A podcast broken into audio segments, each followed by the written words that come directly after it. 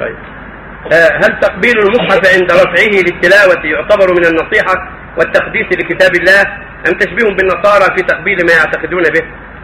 تقبيل المصحف لا نعلم له أصلا تقبيل المصحف الشريف لا نعلم له أصلا ولا وليس من مستحب إلا أنه يروى عن أكرم بن أبي جهل أنه كان يقبله ويقول كلام ربي.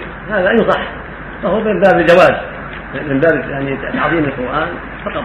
هذا يصح عن أكرمة ولا نعلم له أصلا ثابتا عن عكرمه رضي الله عنه. لكن يصح عنه. فهو من باب تعظيم القرآن. إذا قبله من أجل التعظيم فقط لا لاجل أمر اخر ومع محبه محبة القرآن والتعظيم فلا بأس. وتركه أولى. يكفي العناية به عملا وتلاوة. القرآن انزل مو أن يقبل أو يحفظ في الصدر أو في الدولون لا. يعمل به. يتلى محبة لكلام الله وطلبا للثواب ويعمل به. يترك النواهي وفعل الأوامر. طيب شكرا. بارك الله فيك جزاكم الله